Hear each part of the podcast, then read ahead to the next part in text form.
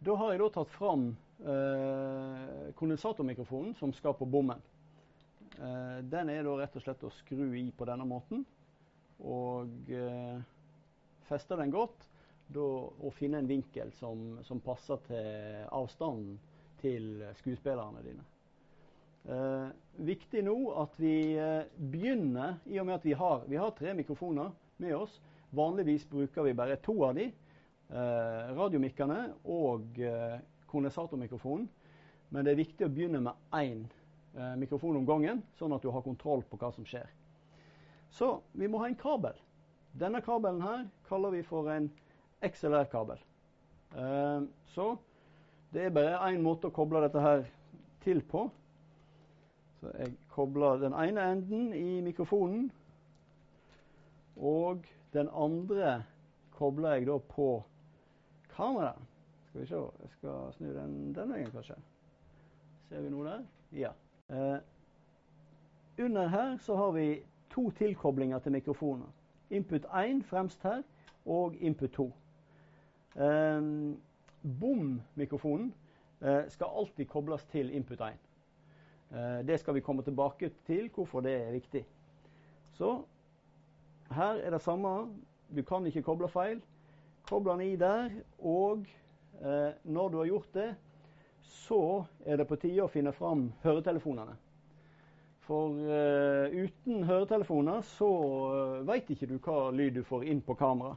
Selv om du får utslag på, på meteret i kamera, så veit du ikke om det bare er støy, eller om det er faktisk den lyden du vil ha.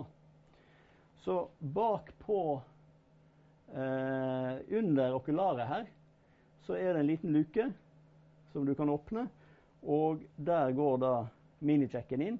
Du har da tilgang til eh, lyden din der. Så på med høretelefonene. Og eh, det neste du da må gjøre, det er at du må trykke på en knapp som heter status check. Den heter status, egentlig. Bakerst her.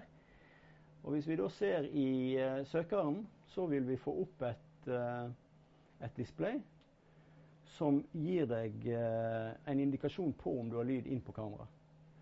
Og eh, som du ser på displayet her, så har jeg nå lyd på input-tegn, Og jeg hører i høretelefonene at jeg har lyd inn.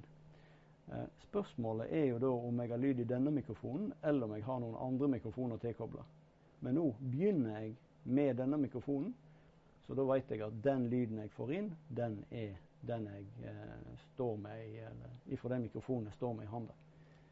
Eh, det er òg, eh, hvis vi ser på sida av kameraet her, så er det et uh, display som, uh, som, styrer lyden til input 1 og input 2. Her må vi først velge om vi skal ha en ekstern mikk tilkobla, eller om vi vil bruke mikrofonen som er i kamera. Så med den borteste knotten her så velger vi ekstern mikk for den her, som er ekstern. Og det gjør jeg like godt nå med en gang på, på input 2, for der skal jeg ha radiomikken min, og det er òg en ekstern mikk. Og så passer jeg på her at her står det auto og manuell. Jeg vil jo ha full kontroll på tilkoblinga mi og til lydnivået, så jeg setter begge de to på manuell. Og eh, på hjulet ved sida av her, så kan jeg da, ved å se i displayet, så kan jeg sette eh, nivået mitt på, eh, på inngangsnivået på denne mikrofonen. Da må jeg gjøre en test, og så må jeg eh, være sikker på at jeg ikke går over minus 10. Da er jeg eh, mellom minus 20 og minus 10, så er jeg eh, safe. Um, det neste vi skal gjøre, det er å koble til radiomikken og se at den fungerer.